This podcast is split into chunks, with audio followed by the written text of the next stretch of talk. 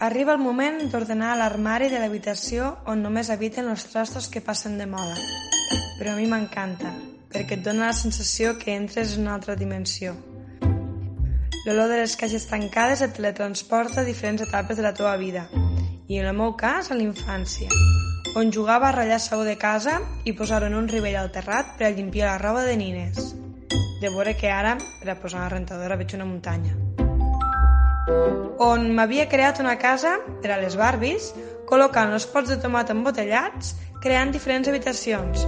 I ara només penso en obrir el pot per fer un sofregit. També recordo una oficina que vam crear entre amigues. Se dia Oficina RAS. Lo nom més original de la història el que vam agafar les inicials dels nostres noms. Els diners de l'oficina eren bitllets de la 11, que, evidentment, no ens havien fet rics a la família. I per acabar, els plastidecor.